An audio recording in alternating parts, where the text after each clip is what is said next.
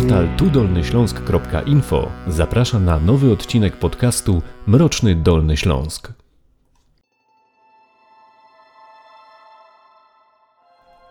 Samo zło. Bestialskie zabójstwo Doroty. Kiedy Dorota wychodziła z pracy tego wieczora, nie wiedziała, że to ostatnie chwile jej życia, a zanim umrze, przeżyje piekło. Dorota była młodą, ambitną i miłą studentką pierwszego roku Wyższej Szkoły Zarządzania i Marketingu we Wrocławiu. Ładna, lekko piegowata brunetka z wesołymi, brązowymi oczami. Mieszkała w akademiku i miała wiele planów na przyszłość. Była lubiana i pełna życia. Żeby nie być na garnuszku rodziców, prawie codziennie dorabiała w jednym z wrocławskich klubów, co pomagało jej opłacać czesne. Nie sprawiała żadnych kłopotów. Na uczelni radziła sobie bardzo dobrze. Miała przyjaciół, nie była konfliktowa. Czasem lubiła wyjść na miasto, potańczyć. Prowadziła zwyczajne, stabilne życie. Aż do czwartku, 15 marca 2001 roku. Tego wieczora Dorota wybrała się ze znajomymi do radiobaru. Czas mijał w atmosferze zabawy, tańca i śmiechu. Tradycyjny czwartkowy wieczór. Niestety, po północy do baru weszło trzech mężczyzn.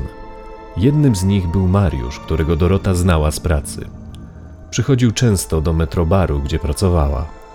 Źródła podają sprzeczne wersje i nie wiadomo już, czy Dorota sama przysiadła się do stolika, przy którym siedział, czy też to on ją do niego zaprosił. Jedno jest pewne: to był wyrok. Wraz z Mariuszem przy stoliku siedziało dwóch mężczyzn: Dorian Ruszkowski i Marcin Piecyk.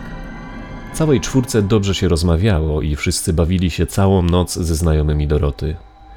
Jej samej przez myśl nie przeszło, że ta trójka mężczyzn to sutenerzy, okrutni i zwyrodniali, którzy obiecywali kobietom świetną pracę w Niemczech, a później zmuszali do prostytucji. Zabawa trwała, aż w końcu znajomi dziewczyny chcieli wracać do domu. Dorota chciała jeszcze zostać i została, a z nią Dorian Ruszkowski, Marcin Piecyk i Mariusz. Kiedy dziewczyna chciała wracać już do domu, nowi koledzy zaproponowali jej podwózkę. Czwarta rano, zmęczenie i przecież ich zna. Zgodziła się. Mężczyźni nie zawieźli jej jednak do akademika, tylko do domu przy ulicy Piotrkowskiej na wrocławskich Stabłowicach. W trakcie jazdy była bierna i mało mówiła. Jak później zeznają sprawcy, może ze strachu, może ze zdezorientowania. Gdy dojechali, zaczęła się jej gehenna. Dziewczyna była dla nich kolejną świnią, bo tak mówili o kobietach, które zmuszali do prostytucji, z którą mogli zrobić wszystko, na co mają ochotę. I robili. Dorota została rozebrana do naga, wielokrotnie brutalnie zgwałcona i bita. Była waleczna i harda, nie poddawała się. Skorzystała z nieuwagi sprawców, zbiła szybę i naga wyskoczyła z pierwszego piętra na mróz, poświęcając wszystkie siły, jakie jeszcze miała, tylko jednemu celowi ucieczce. Niestety, chwila wolności została brutalnie przerwana. Nie miała żadnych szans. Była osłabiona, poraniona na siarczystym mrozie. Sprawcy dogonili ją i zabrali z powrotem do miejsca kaźni. Tam, podburzeni jej ucieczką, znęcali się nad nią jeszcze bardziej. Opłukali pod zimnym prysznicem jej udręczone ciało, gwałcili, przypalali papierosami i nacinali szkłem z wybitego przez nią okna. Karali ją za jej ucieczkę. W pewnym momencie dziewczyna była już tak pobita i zmaltretowana, że sprawcy uznali, że nie nadaje się już do domu publicznego, że nikt nie będzie chciał korzystać z usług oszpeconej prostytutki. Postanowili więc ją zabić. Kazali się jej ubrać, może nawet obiecali, że zawiozą do domu. Zabrali ją jednak nad staw w leśnicy. Tam znowu pobili, a potem Dorian zadał jej dwa ciosy nożem, jeden w szyję, a drugi w serce. Oba śmiertelne. Zmaltretowane ciało Doroty wrzucili do stawu i odjechali. O poziomie deprawacji zabójców może świadczyć fakt, że na drugi dzień Dorian Różkowski zdał egzamin na prawo jazdy jak gdyby nigdy nic, a potem wraz z pozostałą dwójką mężczyzn wysprzątali miejsce zbrodni. Zrywając tapety, czyszcząc ściany chlorem, naprawiając okno.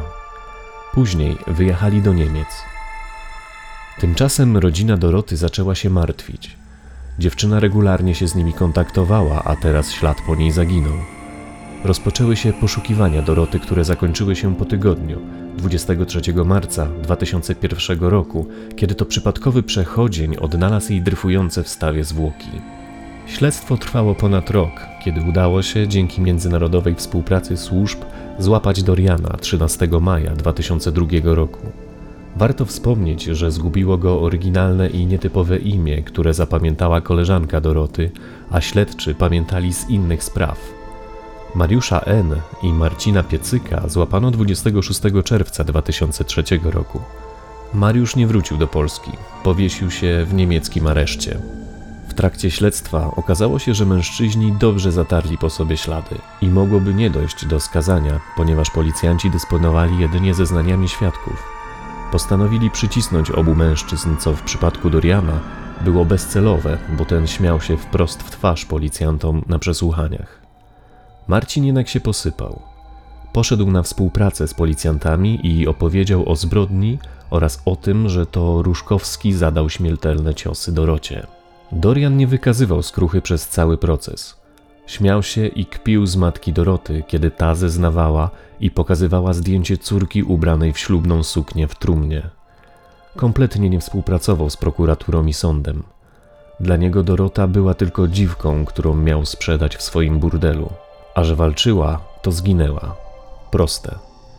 Tak samo jak proste dla sądu było wymierzyć mu karę dożywocia. Sąd wydał wyrok w tej sprawie dokładnie 14 września 2004 roku. W przypadku Marcina Piecyka sąd wziął pod uwagę skruchę oraz aktywną współpracę w trakcie śledztwa i zasądził wobec niego karę 25 lat pozbawienia wolności. Obaj sprawcy odwołali się od wyroków, ale kary utrzymano. Marcin Piecyk będzie mógł ubiegać się o zwolnienie już w 2024 roku, po 20 latach odsiadki. Dorian Różkowski po 35 latach jednak szanse na to są marne. W tej sprawie pojawia się jeszcze jeden zwrot akcji. W 2020 roku policja aresztowała Dawida P., syna Marcina Piecyka, który wraz z kolegą zabili mężczyznę maczetą. Ale to już zupełnie inna historia. Zdjęcia sprawców i inne związane ze sprawą omówioną w dzisiejszym odcinku oraz źródła znajdziecie na www.tudolnyśląsk.info. Tymczasem zapraszam na kolejny odcinek Mrocznego Dolnego Śląska i pamiętajcie, do domu wracajcie tylko z tymi, których dobrze znacie lub taksówką.